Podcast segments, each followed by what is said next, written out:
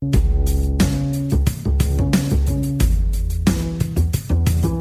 eru Adidas á Íslandi, Netgyro og Tag Heuer Mikkelsen sem færa þér djöflavarpið.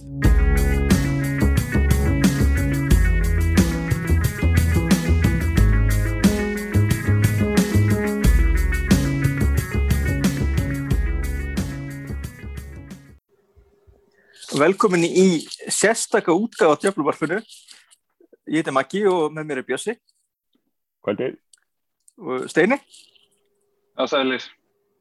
og, og Gunnar, velkomin. Takk fyrir. Betur þekktu sem Sundermann, pisla höfundur, par excellence, hérna í, í þínu fyrsta Djöfluvarfi og það er nú heldur betur þátt, þáttur til að, og umræðefni til að tala um.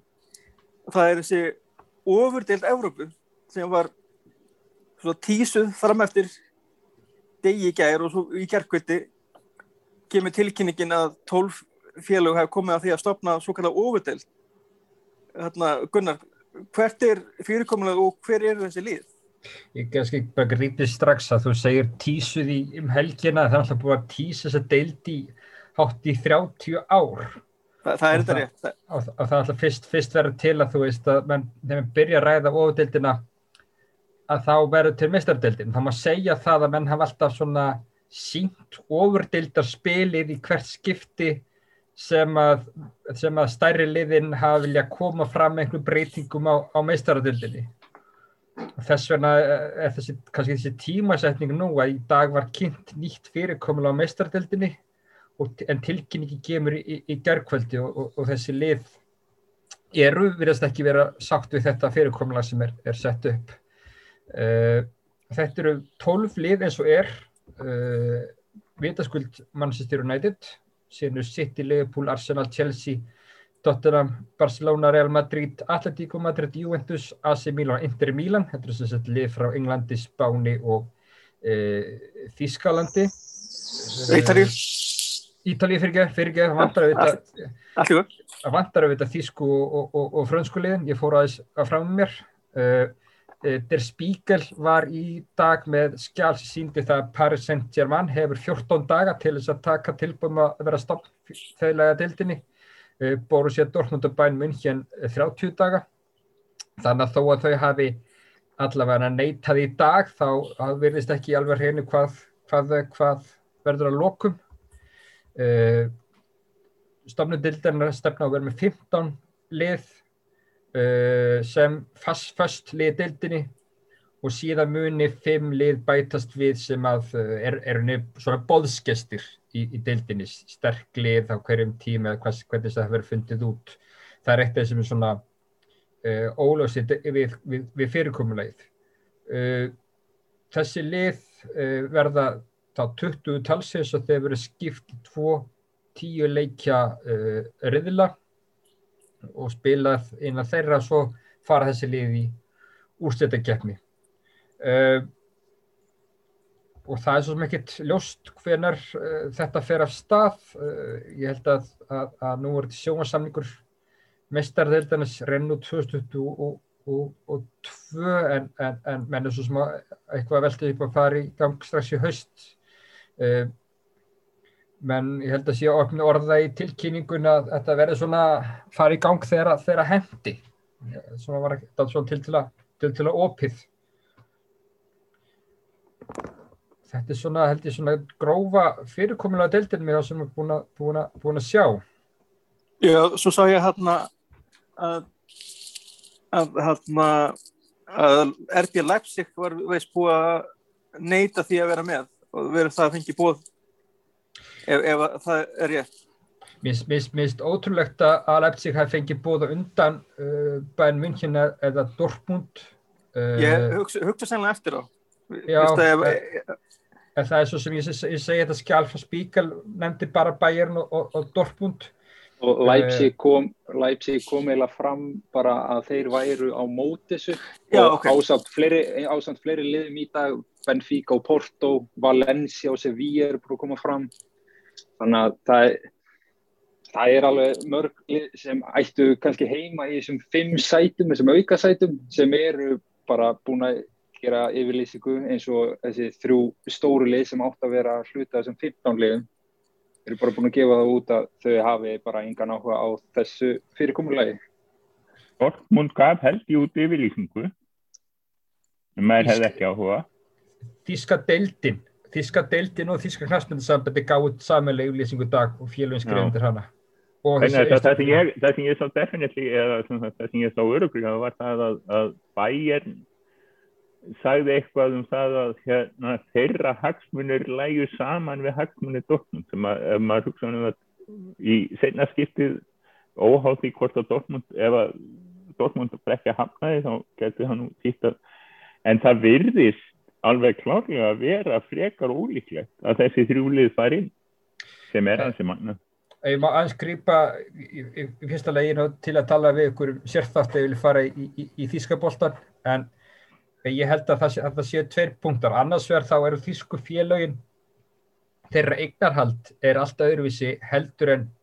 flestra þessar lið sem skrifum þetta samkomlægið nema Leipzig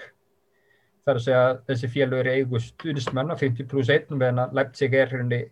í eigu einhver hluta félags eða, eða styrtaræðila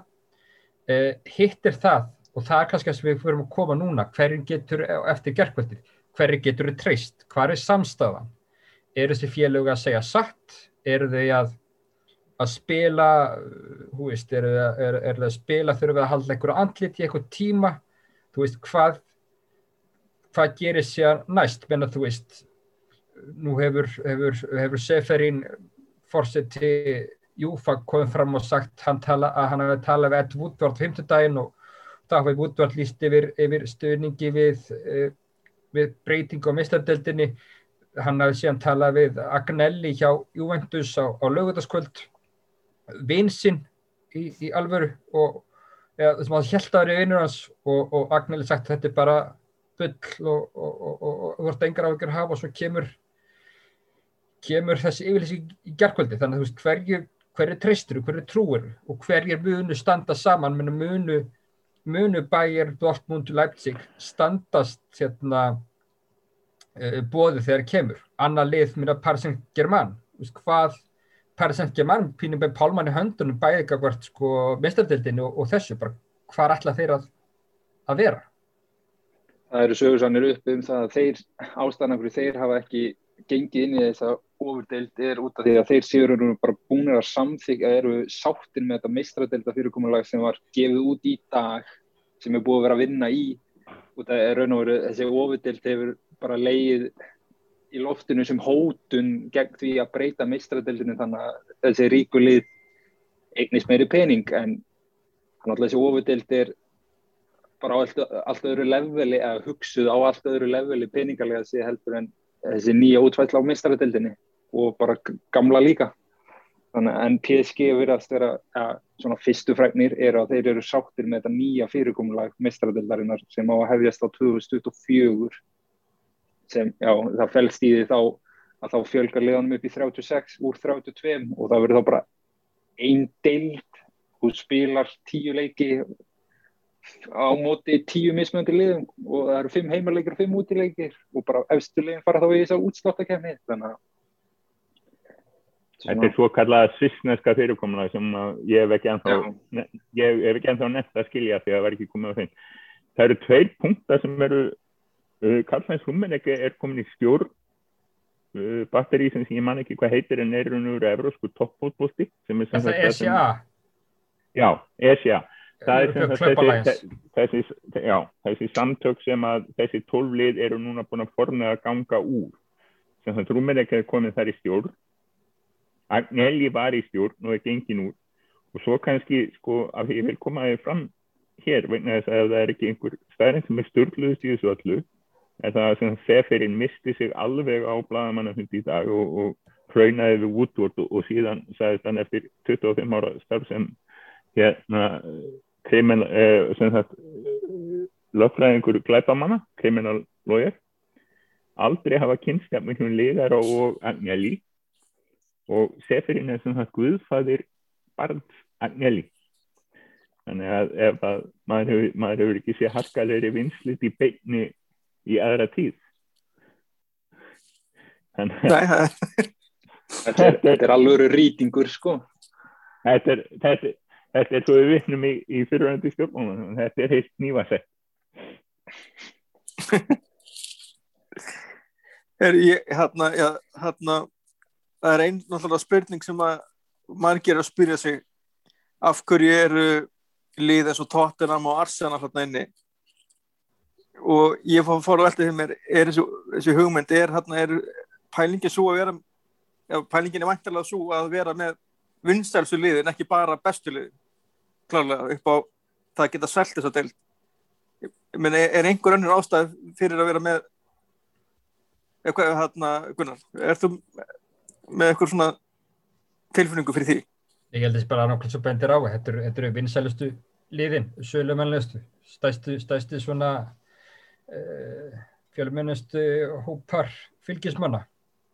Það er líka bara það sem við tala um veist, þeir, það er svona að vera að gefa skít í svona gömlu stuðningsmennina og vera að líta hvað hva framtíðar stuðningsmenninir vilja og það eru þá ofurstjörnur sem er þá í ofurdildinni að þetta verði og, veist, og það, þetta er náttúrulega svip þetta svipar náttúrulega bara til eins og NBA-dildarinnar og veist, sem er bara langstæðist að körubóltadild í heimi með öllum bestu körubóltamönnum allir vilja fara þánga þetta er, veist, þannig séð er, veist, er verið að horfa út í þetta þessa hugssjón en og, veist, eins og fyrir krakka í dag þá er áhugaverustu leikmenninni eru Neymar, Mbappe Pól já, það er ekki Lewandowski rankar ekkert svona hátt þar til dæmis hjá þeirri kynslu eins og hann væri, hvað, fyrir svona 15 ára, hann væri hann mögulega langstæsta stjarnan Það sem kemur náttúrulega að þessu er að við myndum það er eitthvað eitthvað sem að maður þýrt að gera er að við ætlum að rafa sem það liðinu mest í tjekum þá er það helst ítölsku liðin sko, sem myndur lenda hennar neðar. Ennsku liðin eru klárlega 6 af top 10 náttúrulega núna eru og svo eru tóttenam á Arsenal af því að við erum sérstaklega að tala um þau af því að það eru kannski þau lið sem er svolítið verið að kaknína þetta eru liðin með risastóra velli í London sem er mesta fótbóltaborg í heimi líklega svona hægt að segja. Og það sem við erum að skoða líka er það, það sem við sem höfum vitað sem stuðningsmann United núna síðustu 20 árin er það það hefur bara reynilega ekki alltaf verið auðvast að, fá leikmenn til að hérna, bú í Manchester. Það verður eins og það er oft verið mjög auðvast að fá leikmenn til að bú í London. Þannig að ég held að allt þetta, það, það gerir það óumflíjanlegri staðrind að í öllum svona dildum þá væri bæði tóttunum og orðsina þarna inni. Þannig að ég held að, ég held að þú sé eftir að gera grína því þá er, ef við horfum út frá þetta því sjónamiði sem að þessi deild er búin til út frá þá er það algjörlega augljóst að þessi tvölið eiga heima það En ég, ég með hérna spurningu þegar ég bara sá ykkur maður bara grípa hana sem að veit en getur verið Ég, ég, ég er kannski með eitt punkt hérna varðandi, já, veist, þetta er evrósk ofurdeild eins og Bjössi var að fara inn á með London veist, þetta er evrósk ofurdeild. Í, í þessari svo kallari ofurdeild sem verður þá eru þrjú lundunalið það eru tvö lið í Mílan það eru tvö lið í Madrid þú veist. Þetta er ekki, þetta er ekki, er mikið dreif. Nei, þetta er ekki kannski Evrópa, veist, þannig að það er spurning líka eins og hvað er hugsað með þessi fimm lið sem koma inn, veist, verða það tyrknesk lið, tyrkir eru náttúrulega, það er mjög stór fjöldi, veist, verður Galatasaray eitt af þessum fimm liðum, Atalanta sem er búið standið frábælega síðastliðin ár, þeir munu ekkert vera í þessu ofudild. Ekki Vagnelli fara eitthvað ráð, það vildi ekki svona að vera með í mistöndinni, þannig að Atalanta, það er bara ekkert sexy við það veist, þau eru á ekkert eitthvað flottum velli, þetta er lítið lið, veist, það er bara allt á móti að þetta lið ætti skila að vera í ofurdelinni sem er kannski, kannski umræða sem förum aðeins betur inn í á eftir bara heiðarleika í íþróttum. Já. Og ég er hérna, það sem ég vildi hérna koma með einmitt er hérna, við veitum alltaf að að United er drivkraftur í stopnunum hérna, eða það sé útvart og gleysir en haldið þið að einhver, hinn að liðina sé hinnlega bara með þarna á það að vera samkjöfnisægur í sjáu fram og ef það er ekki með þá munið setja eftir í, bæði bara í tekjum og svona og það kemur að því að það vera samkipnisæfur í ennsku úrúslutir Bjössi, heldur að það getur bæði, spilað inn í bæði, einhverjum? Mí- bæði Mílanúliðin myndu aldrei hamna bóði í þessa til og ekki Juventus heldur alveg bara við, út frá því hvernig þeim hefur gengið undanfæri sem hefur verið bara mjög þangað til í vetur. Þá hafa Mílanúliðin verið á hælunum. Og ég reyndar hvernig er staðan? Það kom einhverju kýmferðin fjárfæstar gott ef ekki inn í bæði liðin allavega annað hægt. Það er búið að vera algjört vesinn á þessum liðum. Þau voru aldrei að fara að segja nei. En hérna Þetta eru topp en tvö þetta liðan er á sko- Ítalíu já, þau eru það núna. Þau eru það Já. núna, þau voru það ekki fyrir tveim árum. Nei. Inter er búin alltaf að vera í böllandi fjárhagsvandra núna í vetur. já, bara næstu á hausnum. Eins og með- mörg- eins og svo mörg lið sko. Inter er með sko verið í ný- fjárhagsvandræðum Inter er með bara- nýjasta fórustu í deildinni og það eru eitthvað, eitthvað sjöum fyrir eftir þannig að þeir eru góðri leið með það að vera meistarar. Þannig að það er annað gróft til að vera lóksins meistarar en vera það mögulega dæm, dæmdir úr deild. Það væri mjög fallegt Annað eins hefur gæst á Ítalíu. Já, Jú- Juventus Annað er, Þetta er aðstæð, en sko, þú veist, ég held þetta sé sko, ég held þetta sé stúist kannski um nokkra hluti uh, þarna, þú veist, það eru náttúrulega, þessi lið er ekki bara í átökum í sínum, í, í meistardildinni um, um, um yfirráð, heldur eru, eru, eru átök innan þessara landsdeilda. Meni, ítalsku fótbolt er ekki djóðskaplega góður í stöðum, en það er búin að vandamál með bullu, bullur uh, það er ekki miklu peningar að komna í dildin á ítalskur fótbolti. Þarf yfir þau bara á fjárfestingu að, að halda. Menn að vellindi hafa ekki verið mikið endur nýja bara síðan eftir háum 90 hreinlega. Uh, það er líka svona tókst þetta einhver á, á spánum um, um dreifingu tekna. Í, veist, það er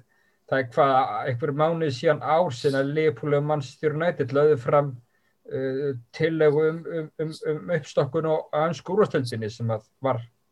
kólfeld og, og þú veist þessi lið líka þú veist þau eru bæði reyna bæði í slag þar og svo náttúrulega eru bara reyna að, hérna ég munu segjast vera í, í leita bara fleiri samkjörnishæfum leikjum minna þú veist. Juventus hefur rúlað upp ítösku dildinni árið til ár minna Barcelona og Real Madrid voru í ykkur krísi hérna í haust en, en þau eru samt eftir í spænskotildinni þannig að þú veist En Það er náttúrulega bara þegar, kom, þá er þetta bara, þetta snýst allt um pening og þetta snýst bara um að sleppa millileginum sem heitir UEFA í dag. Að, að það séu raun og veru engir peningar að renna til einhvers annars nema þessara liða sem er að fara að stofna þessa deild og séðan sko, verða, verður einhvað klink fyrir þessi fimm þáttuglið með að við hvað hinlegin verða þjena af þessari keppni og þau eru náttúrulega að horfa, veist, þá eru þau laus við UEFA. Það er daldið líka það sem er í gangi. Þessi millilegur sem hefur síjar pening út úr þessu einnig og bara eins og fyrir aðra knattspinnu í öðrum löndum, bara eins og hér á Íslandi og bara á Norðurlöndunum og öðrum minni dildum, þá er þetta, þá er bara meistardildin eins og hún er í dag bara lífsviðu væri marga dilda að geta gengið Já, það er allan að sko að möguleikin að geta hérna komist eitthvað áfram þeirri keppni skilar rosalega peningum. En það er bara te te tekjuna sem UEFA deilir út sem þeir fá í kassan eins og af sjónvarstekjum frá meistaradildum og svoleiðis hluta af þeim tekjum fyrir náttúrulega til sérsambanda og það er búið að klippa búið að, minka þá auðra umtalsvert með komið þessara deildar. Peres hafi komið fram og talað um að þeir muni þetta muni hjálpa fókbóltanum þá mun það ekki vera held ég neitt í líkingu við það sem það er í dag. Þótt að UEFA tekur náttúrulega góðan skerfa af þessu öllu. UEFA er náttúrulega eins og við komum kannski inn á líka aftur á að þeir eru ekkert þeir eru ekkert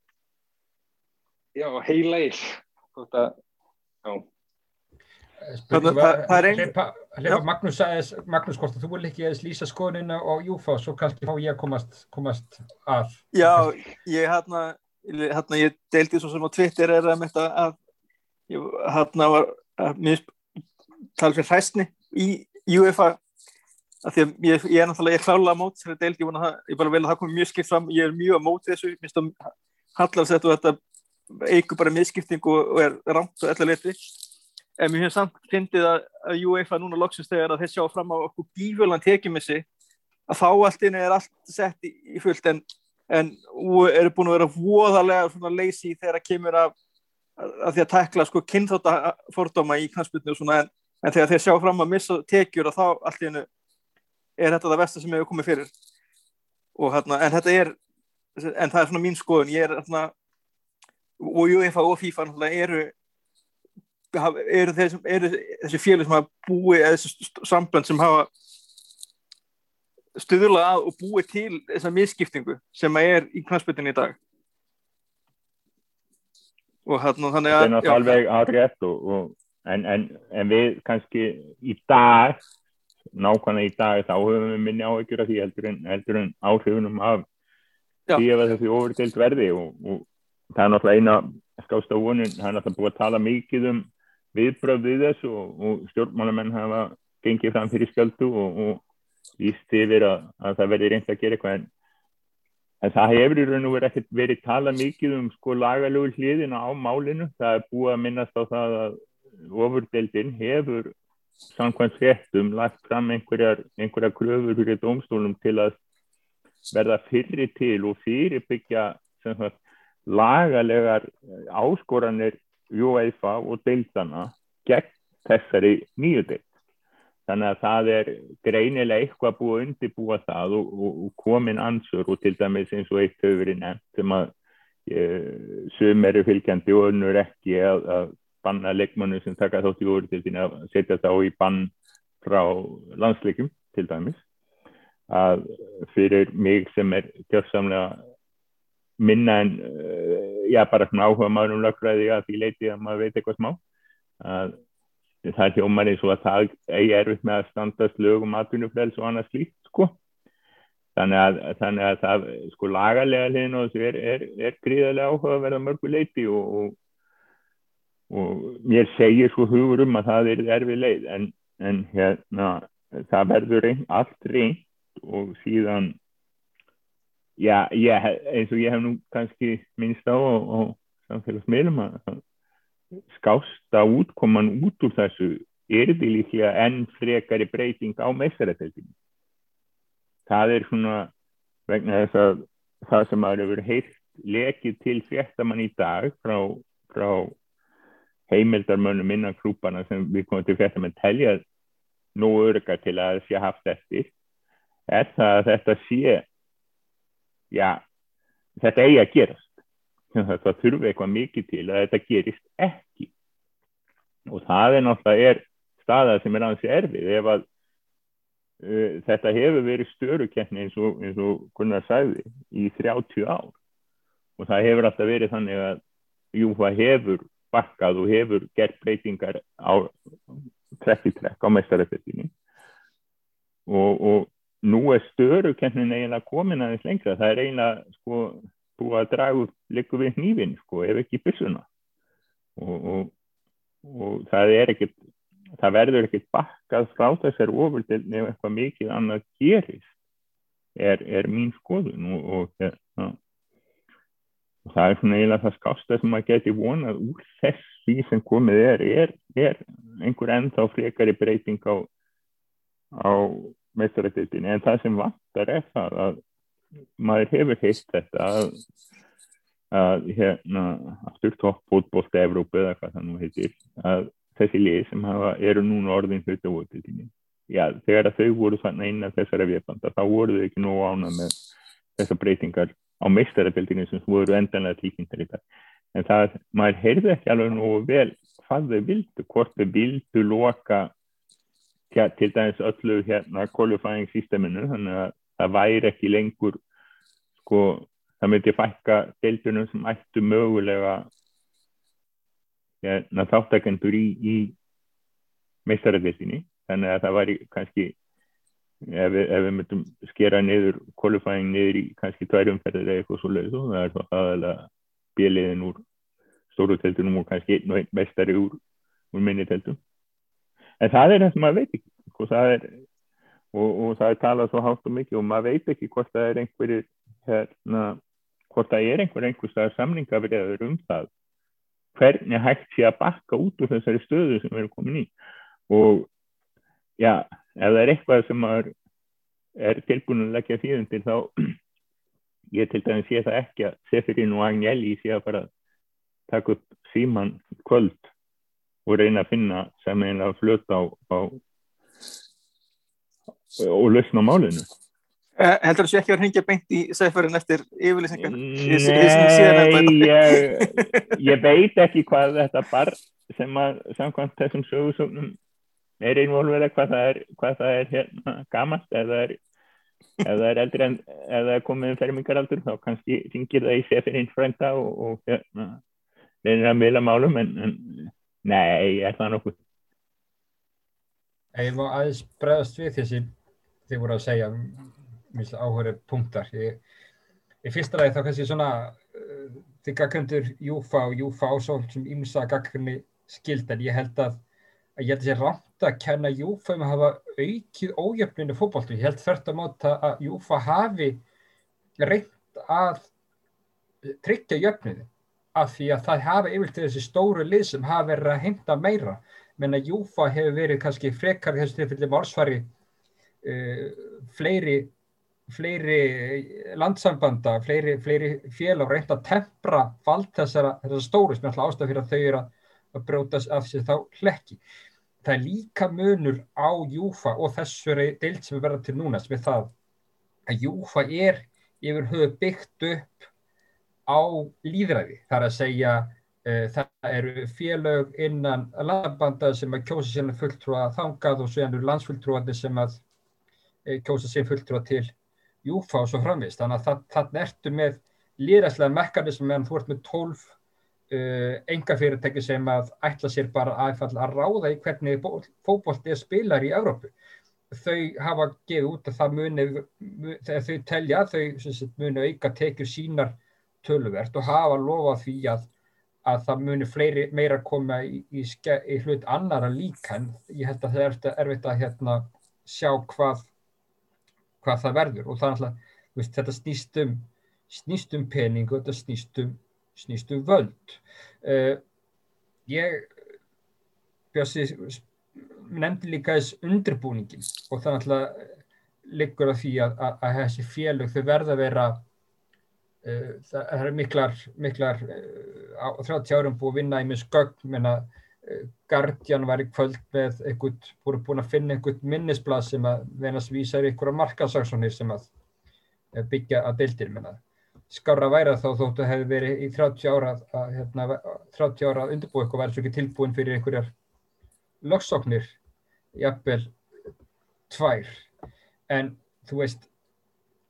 ég er á sammálegar að, að það er erfitt að sjá hvernig það verður farið tilbaka menn ég sagst það er fullir því dag að þessi félög, þessi tól félög hafi skrifað undir samkómlu sem binda samkómla sem binda til 23 ára. Þannig að þú veist það er erfitt að fara tilbaka en, en, en á sama skapi verða þau lið sem að uh, eftir standa í deiltum í innan, og innan, innan júfa eða innan, innan uh, samtaka eroskan knastmyndifélaga að þau verða að grýpa til varna fyrir sjálfsig þannig að þessum tólf félög finnir fyrir því. Þannig að þú veist, þau verða að koma með einhvert útspil að mínu viti að henda þeim út úr deildakefnum, henda þeim strax út til örbukefnum eða þú veist, alvöru þinguna aðgerðir. Þannig að þau til að, að neyða þau að, að samningaborðinu. Uh, ég veit ekki, kannski hægt að þú veist, gefa með einhver fresta, þú veist, ef, ef við geta virkilega beitt þessu vopni að að hóta því að, að, að reka dildina ef þau draga sig út úr ofurdildin í nákvæmst tíma þá fáðu vagar refsingu ekki, ekki sektir eða eitthvað eitthva slíkt. Ég, ég veit ekki, kannski þú veist að fyrir þau sögðu það var kannski ekki, ekki beint Agnelli og, og, og, og Seferina þeir kannski tóið sér með númur á hvora öðrum og mun, þeir munu kannski ringjast beint á. En þá er kannski einhver starf einhverja milliliðu sem getur tekið það sér. Það er spurning hvort að það sjö stórlið sem standa uttafið þetta, þeir nefndur Rúmenegge áðan, PSG hjá bæjan, PSG stendur uttafið og svo náttúrulega gaman að segja frá því að sá sem að leiti fund uh, er sko hljásmyndifélagin í, í gerðkvöldi þegar þessi tólfuð farin út var Edvi van Sar hjá Ajax. Það er okkur þunga á þetta maður. Það, það, það er það er tvent í þessu sko sem að mitt eftir því varðandi úrvæðsteltina svo við kannski fókusunum aðeins yfir á England aftur. Uh, ákvarðanir úrvæðsteltarinnar þurfa 75% atkvæða í uh, meira hátar ákvarðanir. Nú veit ég ekki nákvæmlega hvað meira áttar ákvörðun er en það er náttúrulega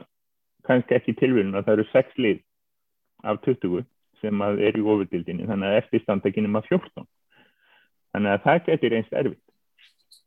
Hins vegar hóturnum að reka úr úrvandildinni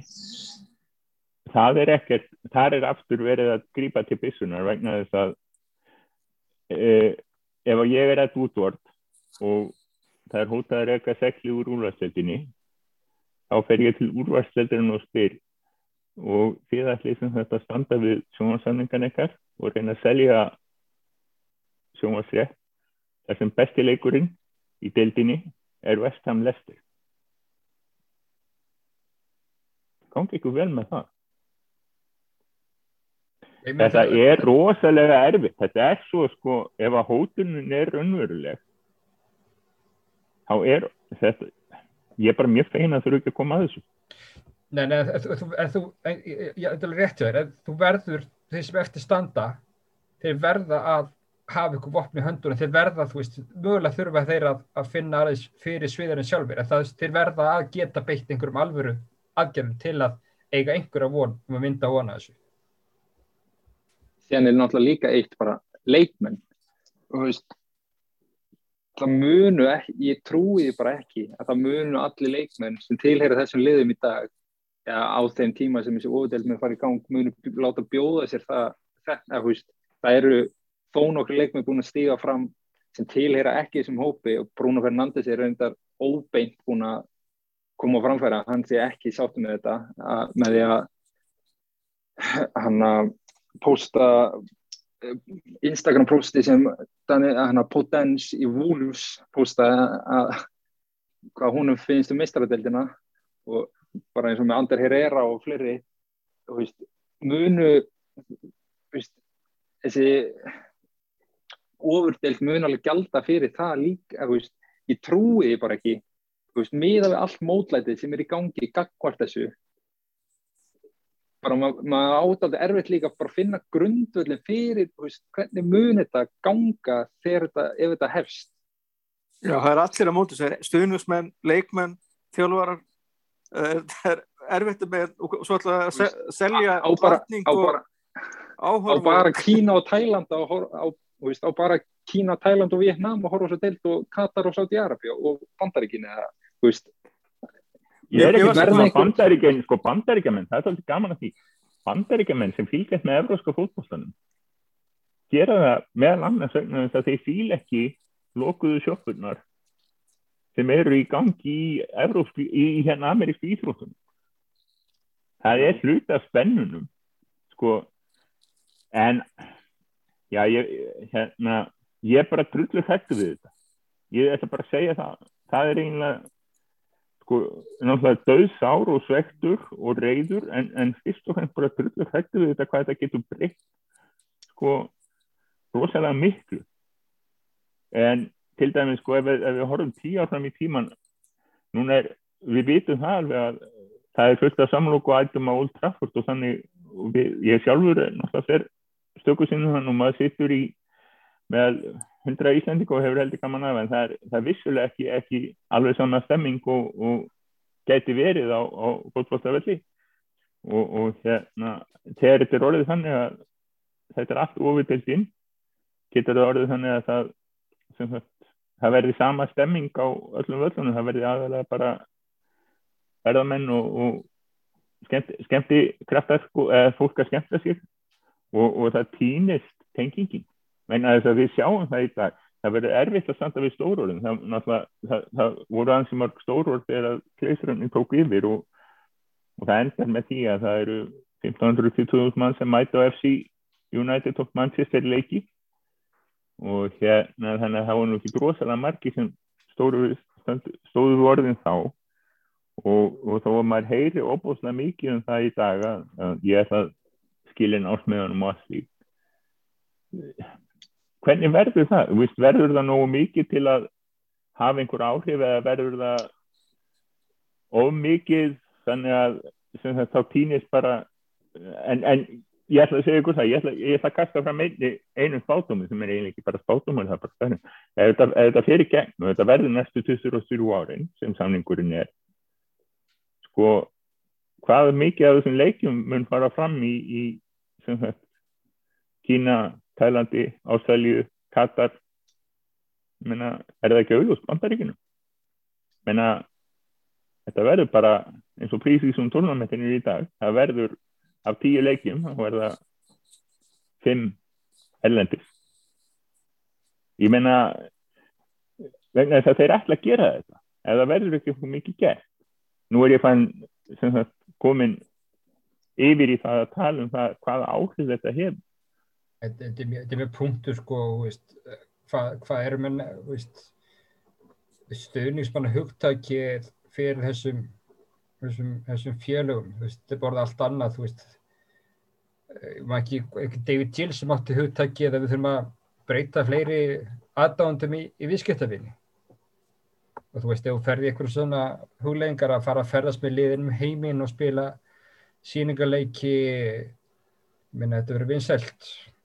þá kannski bara með þetta skil þessu fjárhagslega dæmi sem er múnast eftir sko, eða eignandunir og veist, þú minn ágætt á reyfir upp sko, þú veist, þegar mann þegar Gleisjarði kiftu United þá þá mynduðum með sitt eigi lið og þú veist það, jú, því gengur þokkalega en, en þú veist, Old Trafford er en það fullur, menn að veist menn eru eitthvað brjálæri dag en svo kannski bara, þú veist mæta Sancho, Holland og einhver nothefur miðvörður og veist, bara allt glimt í ágúst. Mér langar bara varpa bara meðspurninga því við erum hérna búinir að fyrir eitthvað neikvæðir gagvel þessu og ég menna hérna, skynjulega og allt það en, en sjáu þið einhverja kosti, ég bara veltaði mér bara til að vera með við vill kannski hafa það svolítið balansst en ég var bara vola erf með að finna eitthvað sem mjögulega kosti. Ég er með einn. Ég er með einn stóran kostuð þetta. Þú hugsa lengi og bara hafa mikið fyrir þessu. Nei, ég, ég bara var að ég, ég, ég var átt að máðu sem ég var að tengja saman leggja saman tvo og tvo, ég var ekki alveg ég var bara með tvo öðrum meginn og tvo hinnum meginn ég var aldrei búin að tengja. Stóri kosturinn með þetta er það að þetta mingar mjög líkurnar á því að eitthvað íslensklið fara allavega í riðlakefni einhvers konar Európa-kefni og Rosenborgi deildina hér heima næstu tíu ári Já, það getur enda breyst að vera að stofna, að vera að stofna þriðju Evrópudildina núna bráðlega. Já, Já en, en, en, en við, við, sem sagt, ég er þá að vonast til að þetta myndi, minka, ekki þar fyrir, ég menna það er nóg að komast í riðlakefni í Evrópudild til þess að Íslandslið myndi Rosenborga dildina. Það er alveg satt og hérna, ég, ég, ég segja bara alveg satt sko, ég, þetta er en það er engin en það er þetta engin er, er er kosti fyrir United eh, sem Nei. okkur fyrir United stjórnismenn en bara sem okkur sem stjórnismenn Íkings og Vals og svo fannar með þess ég held að ég held náttúrulega að þú veist þetta getur tekið bara ískallt át og sagt jújú það er alveg veist, kostir minna, þú veist, meiri peningar þýða betri leikmenn, þú veist við förum að fá, veist, við erum ekki að fara að spila móti, við erum ekki að láta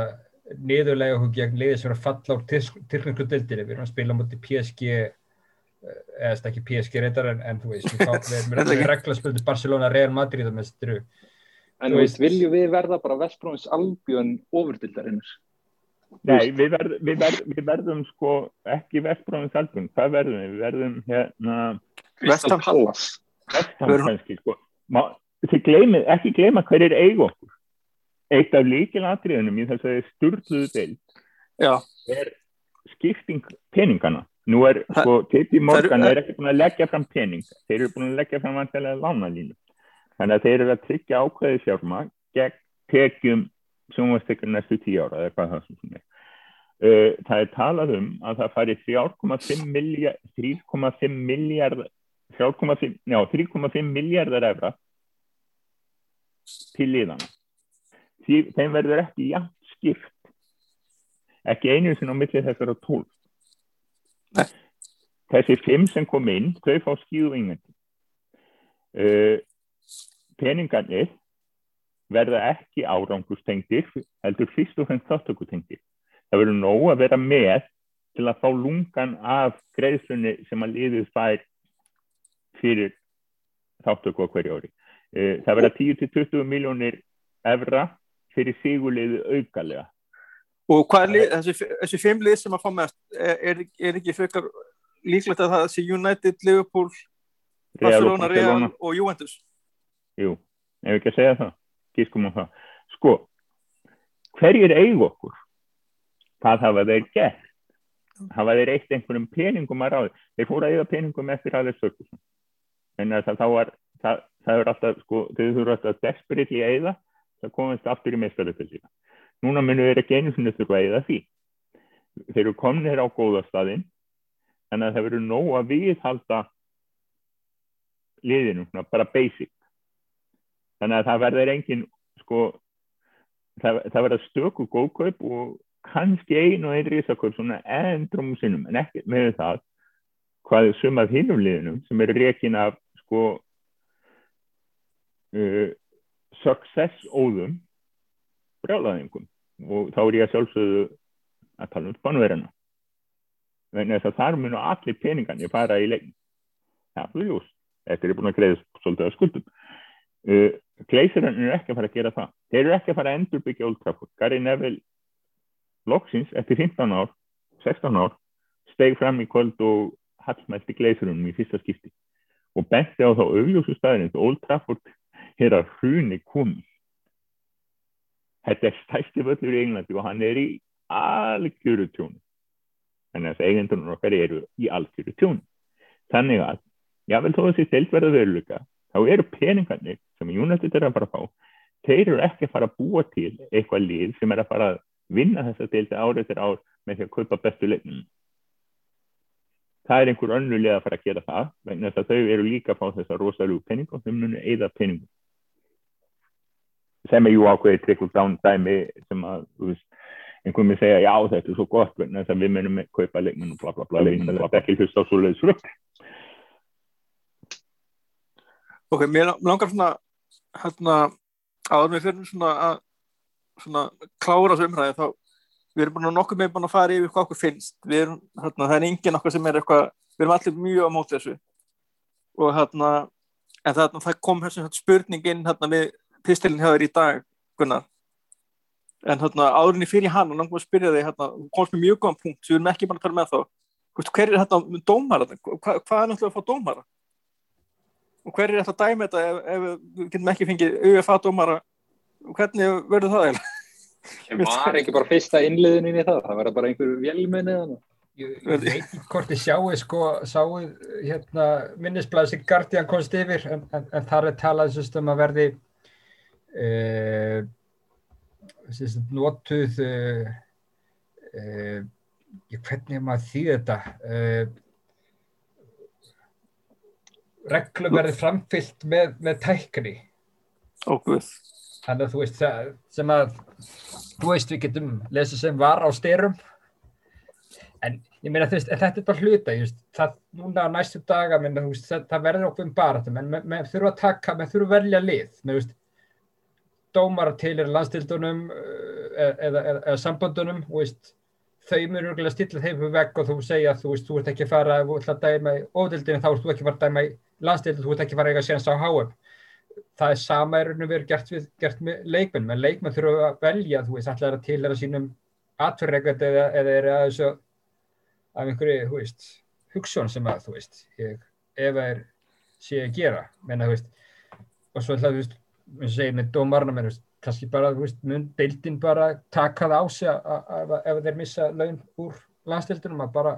borga þeim betur. Við kemur með, með, með, leikmenn að þeim eru stiltu veg. Það, það er alveg eina sem er grundvalda munun eins og dómarum og leikmenn er að leikmenn eru samlingsmyndir.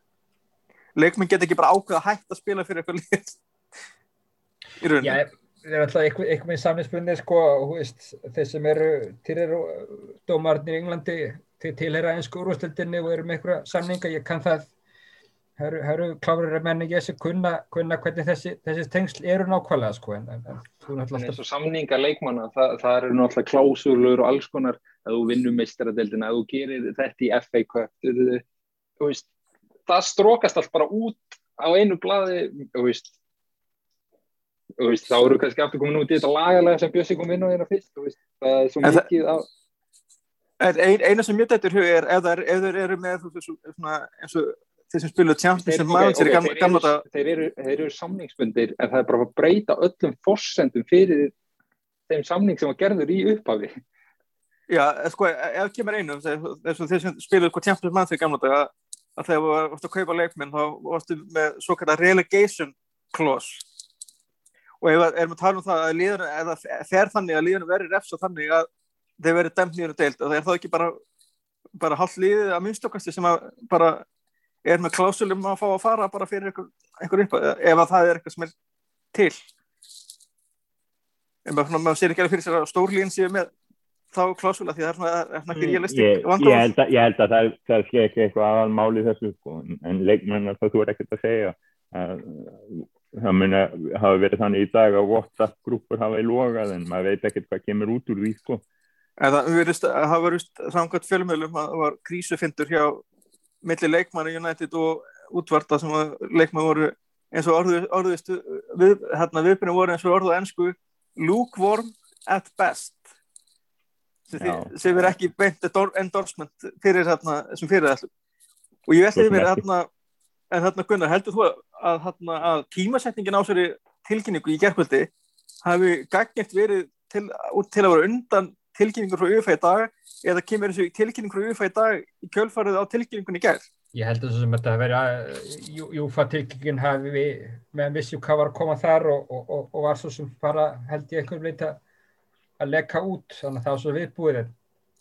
en það bara að það þurfti bara að taka ákveðna Agnelli er náttúrulega bara búin að vera hægri hönd sefirinn í því að vera búið til þess að nýju mistradelt þeir vita allt um hvað er að fara að gerast þetta, þetta, þetta er bara nývasettis þeir vita allt hvað hefur, hefur verið eins og með þessa nýju mestradelt allir þessir aðalag sem koma að þessu samkómulagi með þessu útilt, þeir eru búin að vita þeir vita allt hvað er í framhaldinu hvað er í framtíðaflunum UEFA sko. Það er þarna talandi um hérna, hérna við komum að sinna á hérna Rúmenikki hérna framkvæmstjóra bænum um hér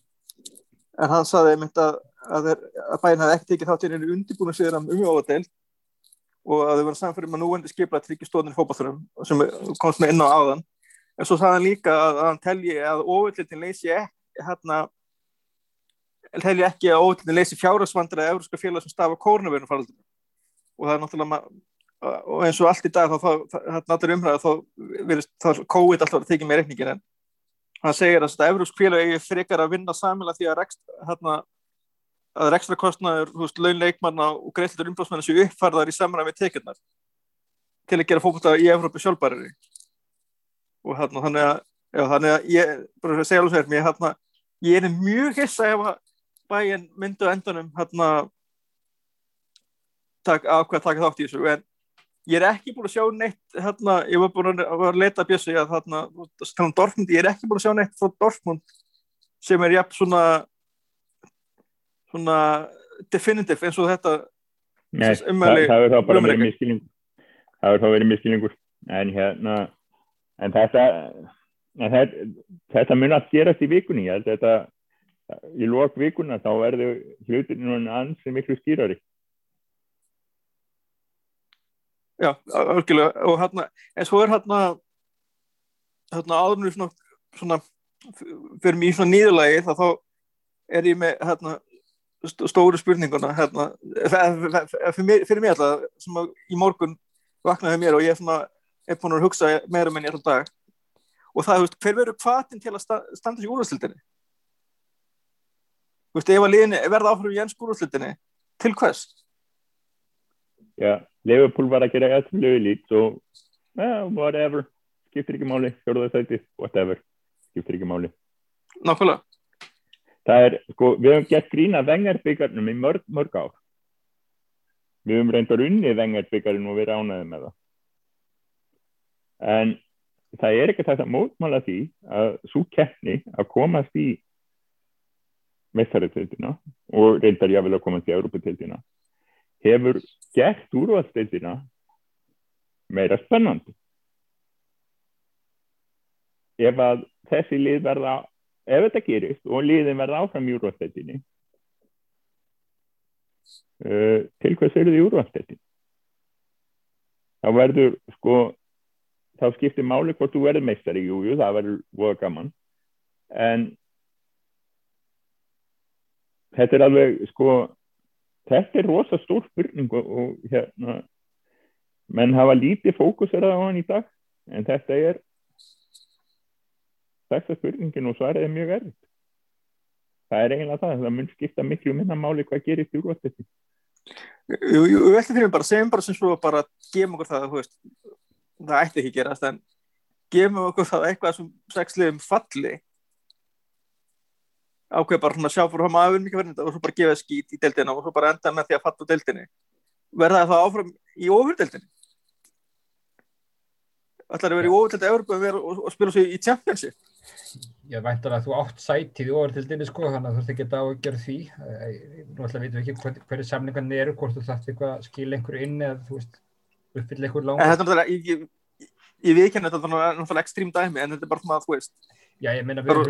ég, ég ég Ég, ég fletti Þú sé bara hvað Arsenal hefur farið aftur. Já, ég kannski sko að fyrir að spyrja í, í, í byrju þáttarum um sko stæstu félög í Európu út á tekjum. Þú slærðu upp tekjulista uh, nýjasta frá Deloitte. Þá dukkar upp lið þar í, í 16. sæti uh, teimisæti fyrir neðan Inder sem heitir Sjálke ég veit ekki hversu verið finnst þetta útistíkun en þeir eru í algjörum skýt þannig að þú Steinu segir þessu næstur já, þeir eru búin að vinna tvo leiki á tíðinbylnu þeir eru unnum þó alltaf að leikin og sló ekki hérna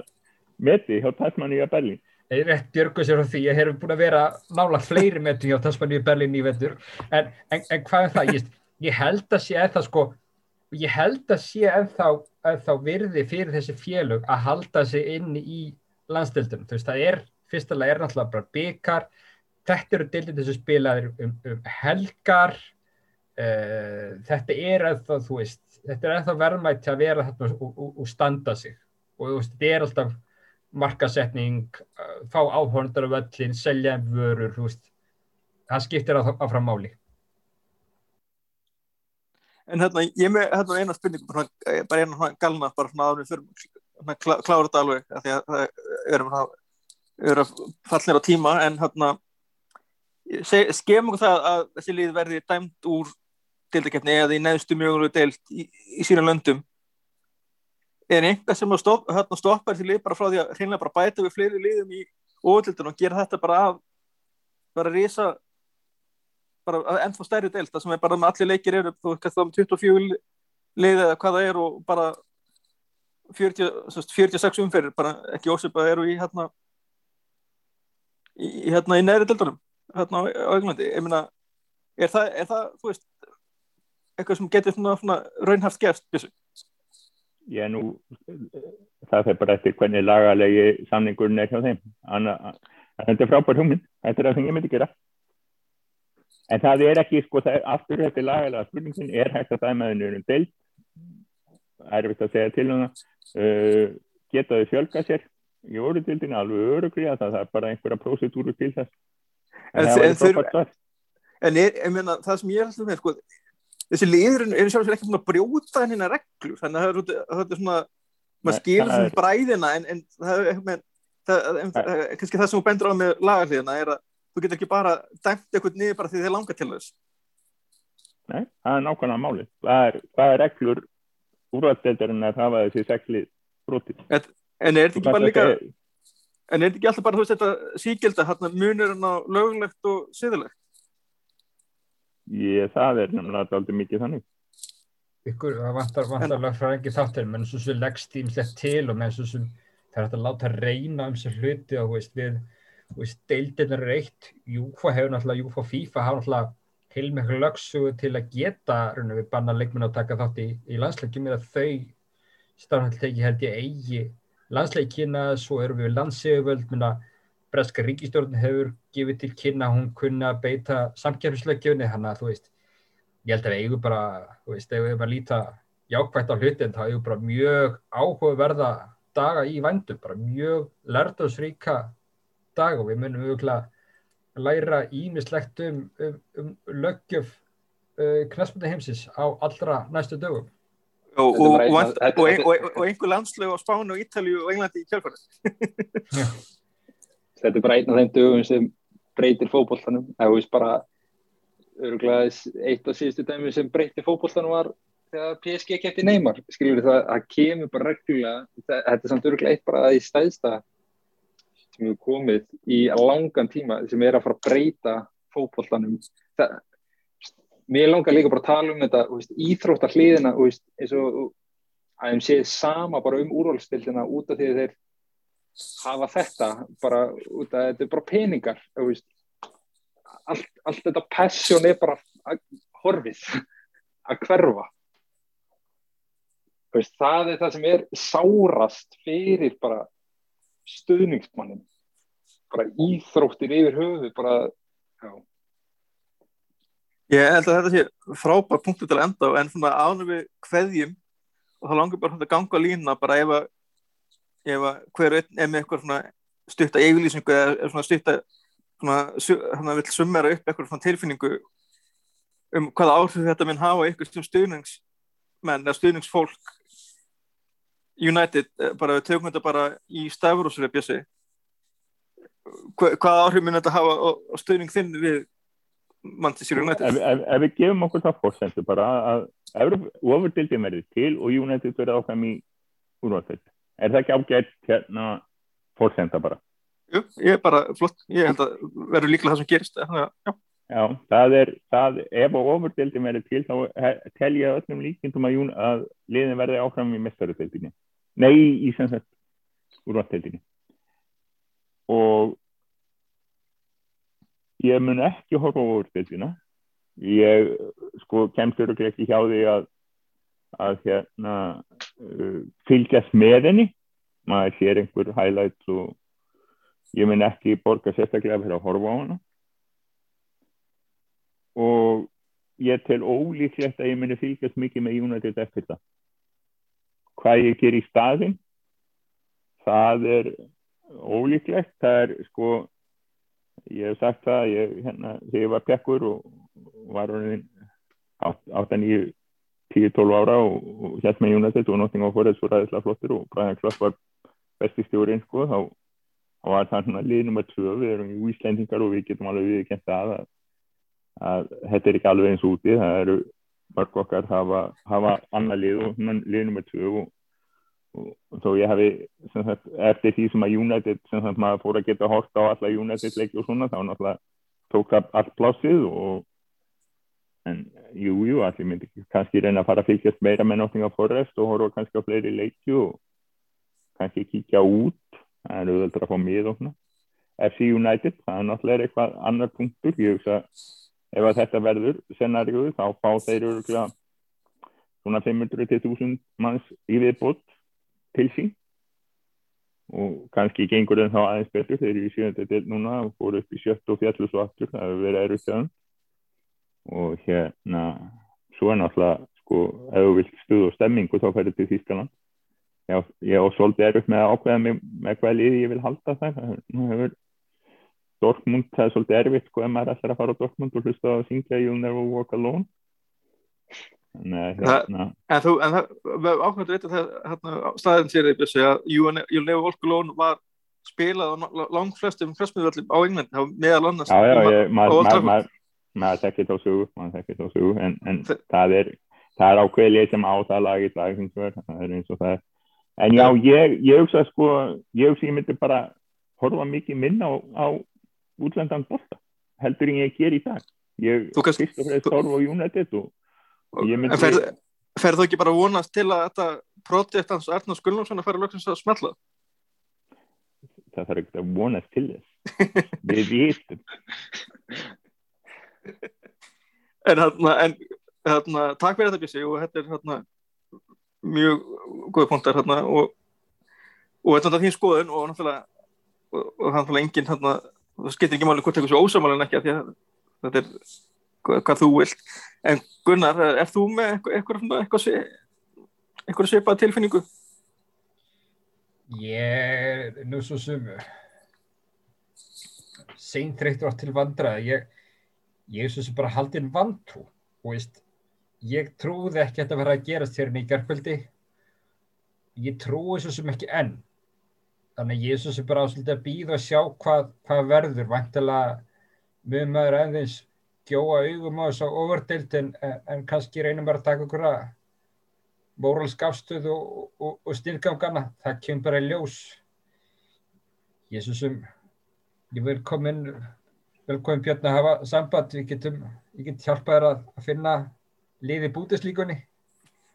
en hérna sem, ég ætla bara að anda með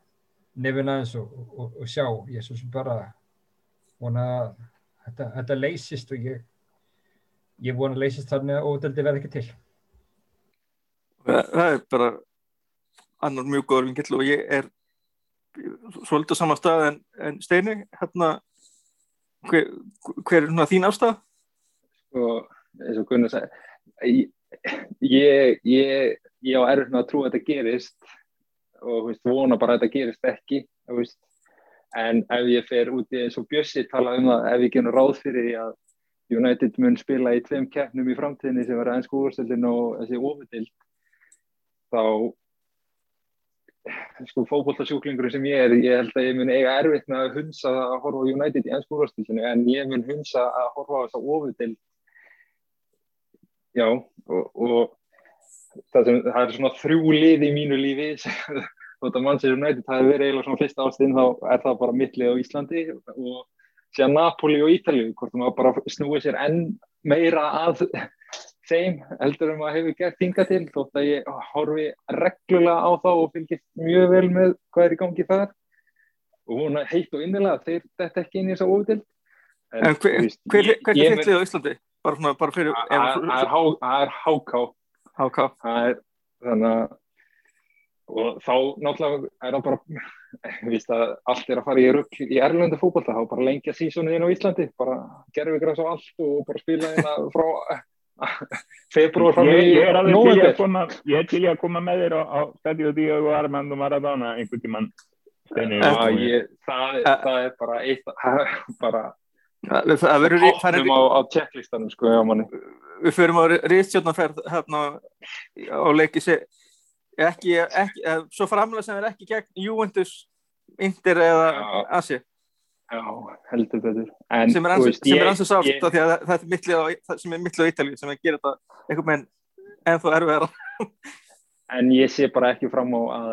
veist, kaupa varning eða miða eða veist, fara á leiki hjá liðinu eftir þetta. Eða, veist, þá kaupa varning þá er ég að tala um treyjur og annars líka. Ekki áskriftir af ennski boltin er bara, það er það er svona bara heilagt í íslensku þjóðasálunni þannig að það er erfitt að hunsa hann einan á sér sko og, og hjá mörgum, hjá mörgum er það einmitt bara helst að sko halda, það er margir hérna heima sem halda meira með ennsku liðunum heldur en liðunum hérna heima sem að Já, seg, segir ímislegt En það var náttúrulega líka spurning víst, að vera stinga mann í baki hérna með nýjastættinu hvort það maður bara gera það saman og byrja að halda með lítsi eða eitthvað Nei, þú ekki hundsa allt sko. eins, og ég sagði þegar einhver stakk upp á þessu á, á Facebook þá hérna, þetta er mjög hetjuleg afstæð þú voru bara inn að báðum stuðningsmann og hópum Það er bara skuldra Þarna, en já, ég svo svona að mín afstæð sé, sé svo að ég er bara voðalega samhljóma steina nema ég held ekki með háká en hérna en hérna ég er algjörlega þar að ég mun stiðja United í ennsku rúðarsleitin, ég mun stiðja liðið í FA Cup ef það liðið verður í FA Cup. En það er ekki, með að þetta er allir leikinni miður viku þá er ekki nema FA Cup sem verður bara um helgar og hérna þannig að en ég segi, ég, hérna það spynir hvort að forvitni muni ekkert maður að fyrir verðum við ekki að maður verður auðvitað einhver fyrir einhverja forvitni sækir að, að maður kíkja eitthvað leik en, en það verður gert á einhvern hátt þar sem maður, maður greiðir ekki krónu hvernig, hvernig svo sem það verður en, en strákar bara takk kjallaða fyrir þessa umræði og við reyndum að fæna ítala í þetta eins og bara við getum að því að en staðröndin er svo að það eru takmarkar upplýsingar fyrir hendi sem að gera þetta eiginlega ennþá fyrirleira að það skul ekki hafa sam, veist, samtímis að það eru yfirlísku gæð frá þessum liðum ekki vera að það komi eitthvað svona, veist, eitthvað svona details veist, fyrir stuðnismenn, hvað er þetta hvað er, hvað er það jákaði við þetta sem við erum að tala um þetta minn hafi fyrir fólk og rosa fræmið þetta er eitthvað með svona eða þetta er eins klúðslegt og fljóttvært og hægt er þetta svo að það hafi verið eh, maður hefur verið tilfengu að hafi kannski mögulega verið eitthvað viðræðir og sem hefur silt í strand og það, það með hafi verið ákveð hérna verið að keppast að vera undan okkur öðru að að kynna sitt fyrirkomulega það bæði þá þessu óvæteld og þá UEFA þannig að en hérna en eins, eins og við komum vissulega þá náttúrulega kemur í ljósi vikulokk hvort þetta minna hafa áhrif að þáttöku liðana í Európa-kjarnarum og,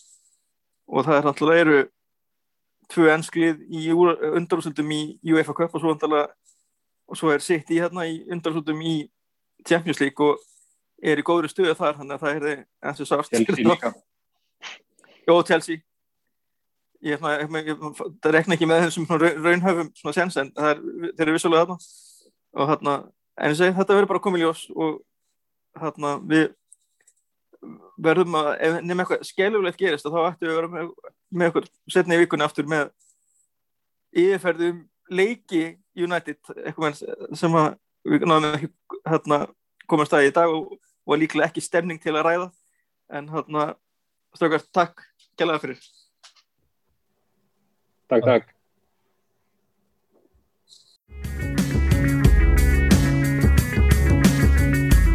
Takk fyrir að hlusta á Djöblavarpið. Þú getur fundið frekari umfjöllun um Manchester United á rauðudjöbladnir.is